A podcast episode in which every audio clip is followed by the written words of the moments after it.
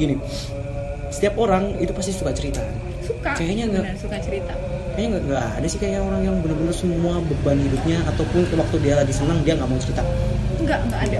Karena di di, di bukunya Homo Deus et Human hari ini ada semacam kayak simulasi nih Hmm. contohnya. Misalkan gua, gua gua keluhan. Gua kasih lu tiket gratis ke New Zealand nih. Anjir Wow. wow kan? Atau ke eh, ya ke New Zealand Iya. gitu ya lu di sana kan dapat uh pengalaman luar biasa kan. Uh apa namanya gu- gunungnya kayak gitu kan. Tapi dengan satu syarat apa? Lu selepas dari sana lu lupa. Mau nggak? Mau. nggak mau. Tapi kalau misalkan lu ke nggak udah nggak usah ke Ancol eh nggak usah ke New Zealand gue bayarin tiket gratis tapi cuma ke Ancol. Lu mau nggak? Mau. mau. Tapi lu dapat cerita dari situ lu nggak lupa. Nah itu. Orang kenangan. kenangan cerita. Memories. Memori itu berharga banget. bring back memories bring back you jadi sangat memories bring back you man memori memba- mengembalikan dia ya Iya. oh makanya itu kasih sayang itu nembus ruang dimensi dan waktu iya ya. betul Iya. Of life. setiap orang tuh pasti bisa setiap orang tuh pasti suka cerita dan suka harus cerita harus cerita Cuman masalahnya adalah bagaimana dia menceritakan ini ke orang lain, bukan dia yang bermasalah, tapi orang lawan bicaranya. Orang bicaranya. cara penyampaian Gue cerita gini, anjing gua nih kemarin diputusin sama cewek gua gini-gini. Ya salah lu lah.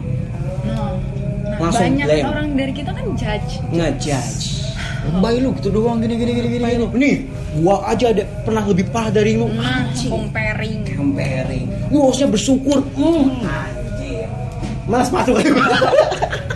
gini nih yang bikin orang males cerita Males cerita. balik apa mentok trash isu males jadi kayak ah percuma gue cerita ke dia tanggapannya kayak gitu akhirnya apa orang kembali menyendiri orang kembali That's Kalau gua gua gua punya temen yang peka banget sama gua, cowok.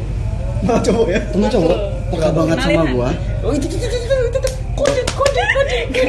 Tuh kan. Canda gue. Bohong, bohong, bohong. Tanya tiga kali, tanya tiga Enggak, kali. enggak, enggak guys Tanya tiga Ntar kali. aja di chat. Ya deh Jadi teman deket gua, dia itu ketika emang apa yang dia rasa nggak enak, Yaps. nggak lama dia nggak rasa nggak enak. Gua ngechat ke dia, gimana kabar bre kata gua tuh. Langsung nelpon. Kenapa kenapa kenapa? Gini gini gini. Oh berarti itu dari dulu dari, dari kemarin kemarin tuh gua ngerasa nggak enak tuh lu pengen cerita gitu. Hmm, Jadi iya, Bang, Bang. apa ya? Kayak udah ada bers apa ya? Gua sama dia tuh kesaling mengertian Iya. dan bisa saling mengkomunikasi mengkomunikasinya terus diterima diterima. diterima lu mau komunikasikan A nih dan dia nerima dan sebaliknya gitu ya ya pak Gue tuh kenal dia padahal baru-baru baik. baru-baru justru Dua dua aliyah. Gue dua aliyah baru kenal dia. Kasusnya ketika ngobrol apa itu gue nggak ngerti. Dari jam 7 malam Mhm. sampai jam 3 subuh ngobrol di kamar Buset. mandi habis rokok berapa bungkus itu sama kopi berapa gelas kan gue di pesantren juga. gue gue gue di pesantren Hmm. ngobrol sama dia gara-gara deket deket sama dia sampai dia ngobrol keluarganya Hmm. adanya gimana keluarganya gimana Hmm. gue ngobrol masalah keluarga gue seperti apa ke dia gitu gitu kan Yaps.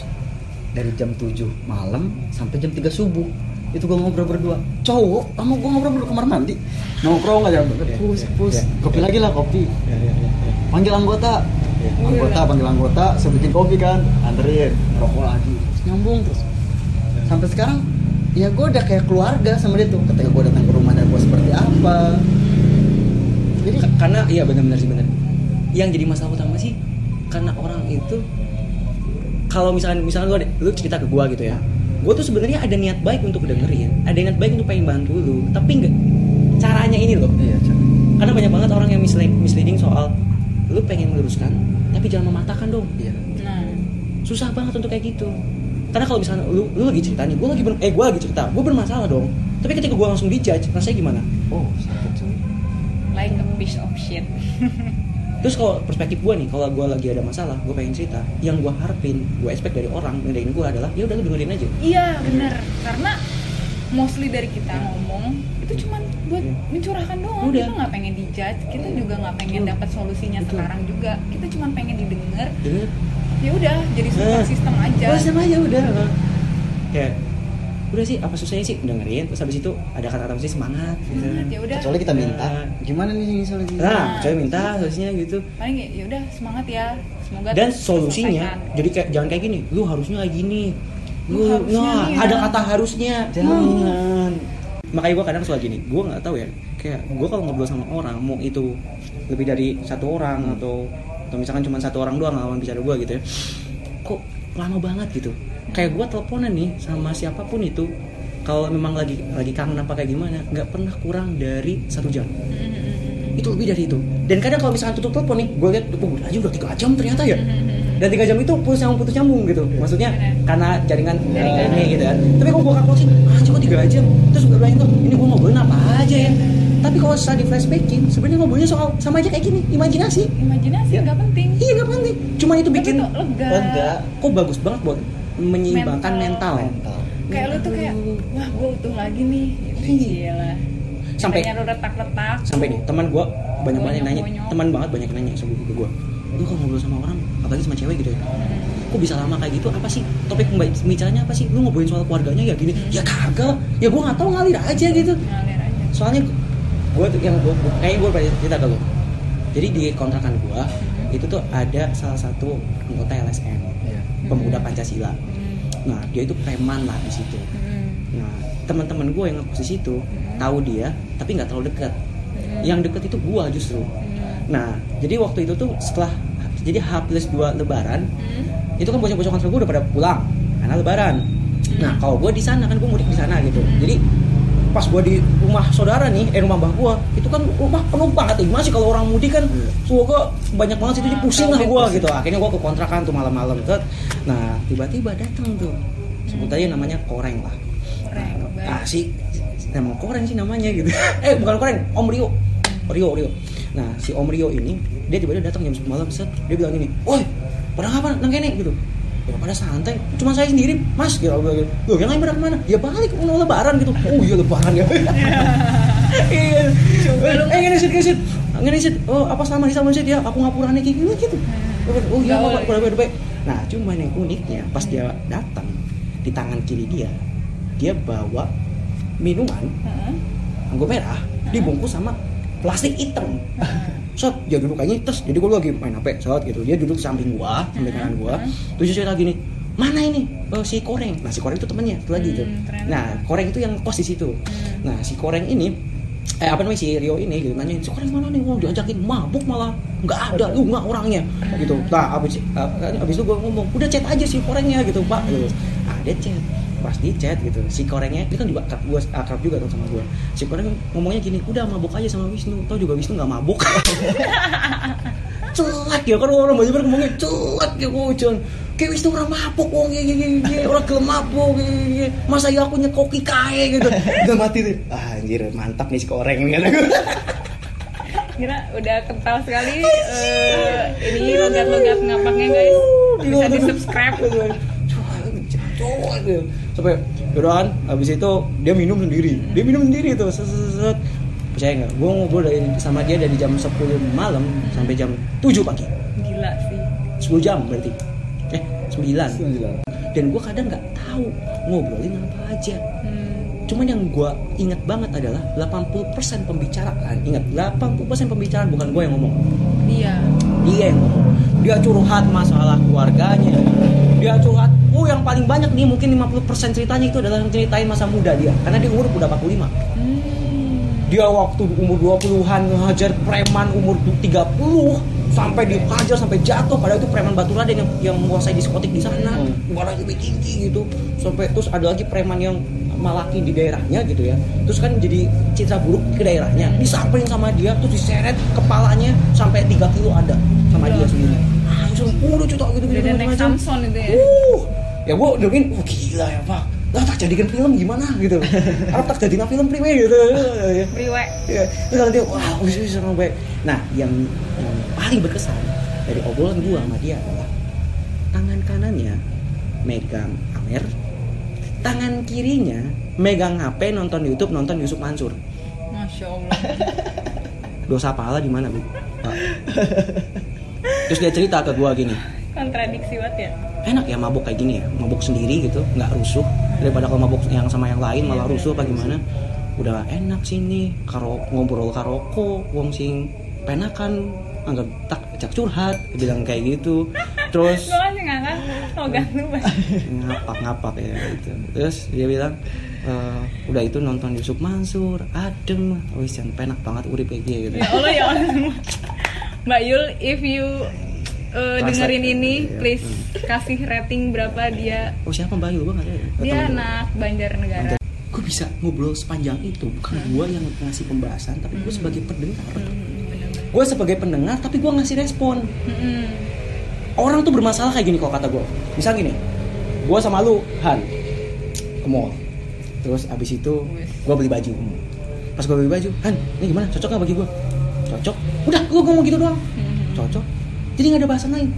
Seharusnya kalau kata gue kalau lu pengen menjalin hubungan yang dalam adalah kalau misalnya gue nak bilang ini baju cocok nggak buat untuk gue gitu. Terus lu bilang eh iya cocok. Itu mirip kayak baju gue kayak kemarin. Kemarin juga warnanya biru kok. Kan bisa nyambung lagi obrolan Ya. oh kayak gitu ya. Oh Terus lu kan juga lu nanya "Eh, emang lu suka modelnya? Nah. Gua suka banget yang kayak gini Nah. gue suka yang ada kerahnya. Nah.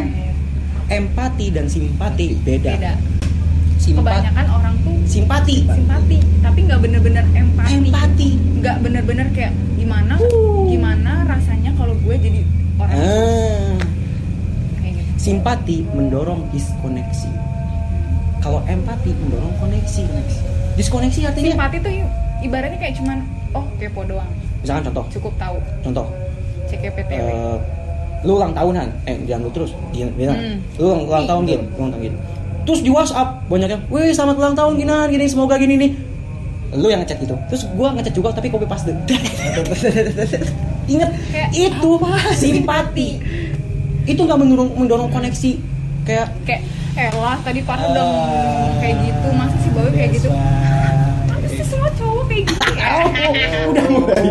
Enggak, enggak, enggak. gue tuh kayak gue kalau Gak, teman-teman gak, gue ya gue sakit yang lain mah ya kayak cewek-cewek yang lain gebesan gini iya iya iya. Kalau teman gue lu bisa sakit lu. Lu kan bisa sakit. Eh lu kan keturunan Fir Fir'aun gitu bisa sakit anjing gitu kayak emang bocah bangsat ya. Gue bilang keturunan Fir'aun gak bisa sakit. Ah, ya Allah ya justru Allah. ketika empati lu kat- nggak hanya kata-kata sebenarnya hati. Ek. tuh misalkan ya ayo dong main dong nongkrong gimana gimana ya? Ntar nggak usah lu yang ulang tahun yang ngebayarin nang gue yang bayarin lah. Ah, justru itu yang lebih ini lu bayangin lu ulang tahun tapi lu dibayarin sama orang. Berkesan berkesan. Dia yang namanya kalau mau, mau menjadi hubungan yang baik kan gimana lu naruh kesan ke orang? Ah itu.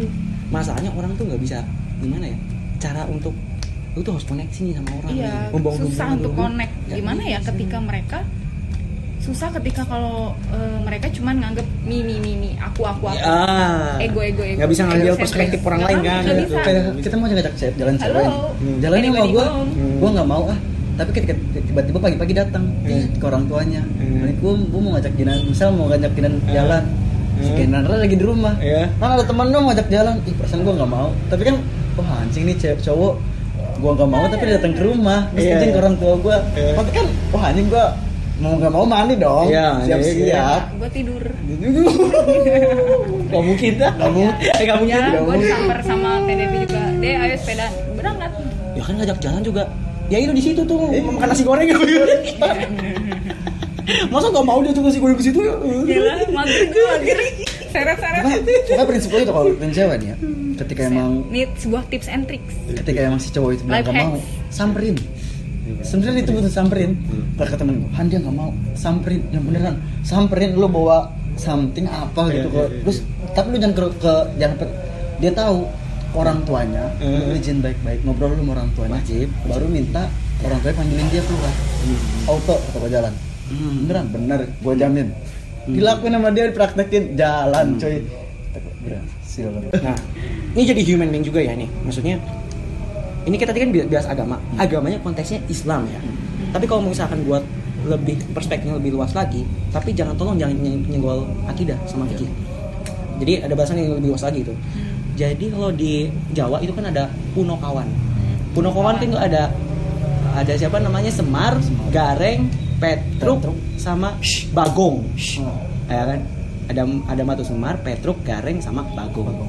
Nah, Hmm, si Punokawan ini itu apa sih? Itu semacam kayak enlightening loh. Jadi Hmm. semacam tokoh yang menginspirasi Hmm. bahwa em- empat-empatnya ini itu punya peran dalam kehidupan kita dan itu ada di setiap diri kita kata filosof orang Jawa kayak gitu jadi pertama gini si Gareng eh si ba, si ba, Bagong. Bagong Bagong tuh orangnya naif naif si Gareng Gareng orangnya itu skeptik oh skeptik jadi orang yang Skeptik. wah pesimis lah gitu ya oh iya Ah, iya oke. masa sih oh, terus enggak enggak kalau si Petruk orangnya easy going Hmm. Contoh, kalau misalkan si ini bahas tentang waktu tahun 2009 yang SBY masih nyalon gitu kan. Si siapa namanya si Bagong kan bilang gini, "Wah, lah masa presiden itu menangkap jabatan. Hmm. Udah jadi presiden jadi ketua umum Demokrat." Hmm. Gitu kan. Wah, itu bilang kayak gitu. Nah, terus si itu si si Bagong, Bagong. Bagong karena dia naif. Hmm. Terus si Petruk bilangnya gini, "Loh, sekarang kalau misalkan nggak ada eh, apa namanya si SBY, SBY. gitu ya nggak jadi ketua umum siapa yang bisa menyatukan partai Demokrat Hmm. terus kalau misalkan Megawati juga sama kalau nggak ada Megawati siapa yang bisa menyatukan PDIP ya mau nggak mau dia yang jabat walaupun terus menerus Hmm. ah itu si Petruk, Petruk. eh Garing Garing. Garing Garing. yang dia itu skeptik lah kalau si Petruk apa eh ngomong-ngomong nasi eh, apa pisang goreng di sini enak di mana ya atau the box gitu. Pisang goreng sini enak di mana ya? Dan hakikatnya setiap orang nggak boleh monoton, Hmm. nggak boleh skeptik terus, nggak boleh naif terus, dan nggak boleh easy going terus. Hmm. balance balance Semar siapa? Semar tuh diri kita. Hmm. Jadi true life eh the true kita, diri kita yang ya sebenarnya. kita yang berhak mengatur kapan di waktu-waktu seperti eh di waktu-waktu seperti kapan kita menonjolkan bagong kita. Hmm. kita menonjolkan Petro kita, kita. kita menonjolkan Gareng kita. Karena kalau misalkan tiga-tiganya ini kita kombinasikan gitu, dan kita tahu kapan-kapannya, hidup kita itu nggak bosan, penuh dengan kreativitas, penuh dengan karya, penuh dengan hal yang anjir. Gue juga kalau diskusi nih, kalau lagi serius, eh, MU sama Arsenal berapa berapa? Lalu juga merhatiin kalau gue diskusi di Republik Main gimana? Emang gue selalu serius banget? Iya. Eh aku kadang juga naif, alah ya nggak mungkin lah, gitu. Itu Ya, semua kudu ada naif, kudu ada skeptis, Skeptis. kudu ada isi. Isi- nothing tulus lah itu si Petruk itu kayak gitu. Nah, si Semar uniknya adalah dia orang yang sholatnya itu setiap waktu, setiap detik. Hmm. Gak sekarang kalau misalkan di Islam kan sholatnya kan lima waktu gitu kan ya. Eh, kalau dia sholatnya itu setiap detik dan setiap waktu. Set, setiap Gimana ceritanya? Gimana ceritanya tuh? Karena sholat dia itu adalah amal kebaikan. Sholat dia amal kebaikan dan tahu yang mensucikan dia wudhunya kalau dalam Islam Hmm. itu ada ad- eh, adalah apa namanya ibaratnya lu berbuat baik terus lu bikin senang orang Hmm. anytime dia Jadi kayak sholat anytime dia terus, dan Hmm. salah satu tokoh yang selalu nulis ri- riwayat Semar nih Hmm. kayak gimana gimananya di koran itu adalah Sujiwo Tejo Hmm. tapi si Sujiwo Tejo udah nggak nulis Semar lagi semenjak Gus Dur wafat Hmm. karena waktu itu ditanya "A- ada nggak di Indonesia yang seperti Semar Hmm. tanya Sujiwo Tejo sama si Profesor Anak Kasali terus si Tejo cuma bilang aduh saya boleh nggak ngomong ini ya tapi saya harus ngomong ini sih Hmm. sejak beliau wafat Semar itu udah nggak ada yaitu Gus Dur Hmm. gue juga beli ini Hmm. si Semar kayaknya Semar datang nih anjir Hai Semar. bakal bakal banyak banyak terus Semar sudah nggak ada. Semar sudah mukshoh bersama pemakaman Gus Dur Jombang Loh, gue tuh tipe orang yang suka banget nyemangatin orang, suka banget antusias sama misalkan nih, Hmm. gue cerita, lu cerita tentang Hmm. hidup lu kayak gimana, gue antusias, ih gila sih, lu Oh. keren, pesan lu Han, lu cerita gini, ih gila sih lu keren. Tapi ketika eh, gimana ya, ketika itu udah kembali ke gue, what I have to do, apa yang harus gue lakukan kayak gitu loh, gue suka banget, suka banget denger cerita orang, gue suka, ayo ayo nyemangatin gitu. Tapi gue nyemangatin diri sendiri susah nggak bisa. Makanya lu orangnya suka banget mengabadikan momen tapi momen di luar. Gimana gimana? Iya makanya dia suka banget ya kayak ngabadiin momen misalkan lagi di mana nih set sama dia di foto terus dia ngeliat ini kayaknya mengekspresikan apa gitu kasih Nah, kata-kata iya, iya, iya, gitu. kayak gitu. Sebenarnya udah tahu alasannya. Iya iya. Alasannya apa ya? Ya itu tadi Iya. gitu. ya, gue cuma mengkonfirmasi aja bener apa enggak. Gitu tapi gue kayak "Hmm, ayo semangat ke gue gak mempan kalau gue yang ngomong gak mempan sama aja kayak gini lu sering banget denger curhatan orang tapi gue curhat ke siapa ya? Amin gue kayak mau nampung banyak curhatan tapi gue curhat ke mana anjir gak ada yang mau dengerin ya gitu gitu Iya, nah, sampai temen gue juga nyadar kok kalau kayak gitu. Dia pernah bikin satu tulisan tentang gue waktu gue itu. Apa dong di Republik Men gue lupa tulisannya gimana yang nulis Leli Sonya halo my beloved friend. Eh, dia bilang kayak gini eh, Ginan itu eh, bilang gimana ya gue lupa. Pokoknya Ginan itu terlalu banyak menampung. Sampai dia tuh lupa eh, nuangin punyanya sendiri Iya. ke siapa terlalu banyak yang dia lalu lu berarti butuh sosok gitu. sosok. Tinggi Sosok. besar hitam. Serem besar hitam. Sosok. Gue salah ngomong sih gue bilangnya sosok. Coba kalau misalnya seorang. Seorang. nggak harus seorang siapa banyak orang. Banyak. Orang. platform juga gue nulis bisa. Ngerekam nge-record lu ngerekam sendiri didengar sendiri. How pathetic I am. Sedih banget ya. Gitu. Untuk saya dibuat oleh saya. untuk saya dari saya untuk saya. Dari saya. Ayo eh muter. Tau ya. Gitu sih. Human Sekali-sekali being. mah lu bela- belajar ibarat kan? Ketika emang hati lu ngomong itu lu ikut lakuin. Kalau kata gue sih gitu. Ya. tapi iya gue eh, kayaknya gue baru menyadari gue mengikuti hati kata eh, mengikuti kata hati gue ketika yang lain misalkan hmm, teman-teman gue kan pada extend Iya. gue udah kayak enggak gue mau kerja gitu. gue ikutin kata hati gue nah, nah, nah, dan oke gue mendapatkan value dan banyak experience banyak hal-hal yang nggak gue ekspektasiin Hmm. di awal gitu dan Hmm. itu termasuk nggak termasuk nggak Ya termasuk, Nah. termasuk gue banyak banget ngalamin itu loh. kayak gitu gue kayak yes akhirnya gue punya pendirian gitu maksudnya gue punya satu eh, apa ya yang bisa gue ikutin gitu Iya. Tapi belum, gua. belum berat. Ketika emang udah ngikutin, lu tanya lagi dah. Lu belum sampai ke titik lu berdebat dengan hati kecil lu. Wah, Jadi bener apa ini beneran yang gue pengen Eh, gue rasa gua ngerjain skripsi nih ya. Bisa, bisa, bisa penting. gitu. Gua gimana menurut lo kayak gua ngomong sama diri gua sendiri. Udah gini gini. Mhm. Tapi gimana gini gini? Ya gitu gini. gini. Mhm. Ya gue masih anjir gue berdebat sama diri gue sendiri sampai gue pernah bikin tulisan tulisan gitu. jangan-jangan lu Gue tuh siapa? Di dalam diri gue tuh ada siapa? Farhan, Di dalam Farhan. diri gue tuh ada lu siapa? udah gitu. double lagi. Farhan sama Fatahila Berarti dibalikin Farhan Fatihila ya.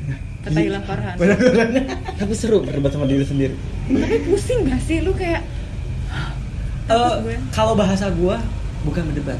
Tapi bener kata lu udah di awal bertanya. Bisa Iya, kontemplasi. Bertanya. diri sendiri Karena gini, kalau misalkan ya itu yang gue tulis kemarin tuh. Kalau misalkan lu terlalu misalkan gini, lu gimana caranya lu membedakan emosi dengan hati nurani? Secara sains nggak ada pembedaan. Nggak ada pembedaan. Nggak ada. Hat- bahkan hati nurani itu nggak ada. Ada. Secara sains. Adanya ya emosional. lu. Emosional. Emosional bukan di hati tapi di otak lu. Mhm. Nah, jadi lu kenapa kayak gitu. dikit-dikit kenapa Kan- nggak dikit-dikit nggak megang pala pasti kan megang dada kan megang pala pusing berarti. Oh, iya. kan dari otak ngegeter sampai sini gitu dan outputnya di sini Itu sains. Kalau hati kalau dari spiritual hati baru ke Hati, otak. ke otak. iya kayak gitu so, kebalik kan nah maksudnya kalau misalkan lu nih eh, oh iya si Mark si Mark mention dalam bukunya yang yang sebuah seni untuk bersikap bodoh amat nah dia ngomong kayak gini siapa satu sat eh, siapa manusia yang dalam hidupnya itu hanya menggunakan emosionalnya doang? Nggak pernah pakai rasional. Siapa coba? Bayi. yang yang berak, berak di, di celana. Eh kok ruang tamu. Di ruang tamu. Oh, itu gitu. dia. Emosional malahan. Emosional dong nggak pakai rasional. Hmm. sering-sering lu mempertanyakan lu mau ngapain nih? Lu tanyain lagi. Hmm. tapi tanyainnya juga nggak terlalu jangan terlalu mainstream lah. Hmm. jadinya lu nggak action apa kayak gimana gitu. Hmm. lu nya terlalu berspekulasi takutnya gagal atau kayak gimana gimana. Cukup pertanyakan ini baik gak buat diri lu? Dah. Apa aja tadi kita ngomong? Oh iya di apa namanya di review ya? Di review. Review dulu lah. Human being wah ini pakarnya enggak jadilah human being yang good guys. Ya gimana ya ya Nggak- ya udah bu- sih kayaknya bener bener banget bener banget. bukan berarti kita di sini udah bagus banget moralnya enggak. At least menghargai sih. Koeksis eh, apa ya hidup berda- kita hidup berda- berdampingan. Kita juga harus eh, menghargai nilai-nilai hidup orang lain. Hmm, kayak gitu deh intinya. Sama aja kayak kemanusiaan sih etika. Yaps. dari Kayak- manusia Intinya pesan gue untuk kalian tuh kalian usah Kalian. ada yang mau dengerin kalian lagi. cukup jadi manusia. jangan jadi apa Jangan jadi manusia yang menghilangkan kemanusiaan. Oh, iya, yang sih. ada hanya kebinatangan. gila padahal manusia binatang yang bercanda Padahal manusia binatang yang berpikir. ya bener terus dari lu Oke. Bay? kayaknya gue closing lah ya gitu ya gue pengen closing ini ada salah satu filosofi hidup keren dari orang Jawa Eh, mereka bilang kayak gini semua yang di semua perkataan atau pemikiran yang keluar dari mulut seseorang itu semuanya sampah.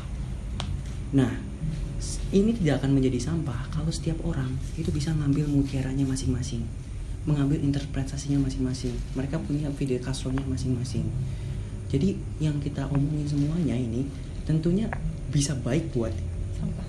gua, buat Ginan, buat Paran, tapi juga belum tentu baik buat kalian karena kita itu punya lingkungan sosial yang beda, Beda. kita Kultur punya yang problem beda. yang beda. Nah, barangkali apa yang eh, kita kasih gitu ya, apa yang kita tadi udah eh, Sharing. bicarain, kita sharing, itu mampu tuh diambil poin-poin, poin-poin mutiara-mutiara, kalian mungkin gali sendiri kalian cari sendiri improve sendiri, Improve kembangin sendiri. lagi. Walaupun kita sampah, Kita tapi sampah ingat gitu. sampah itu bisa didaur ulang. Daur ulang. Tinggal bagaimana kalian mendaur ulang sampah itu. Sampah itu. Jadi berguna lagi. Berguna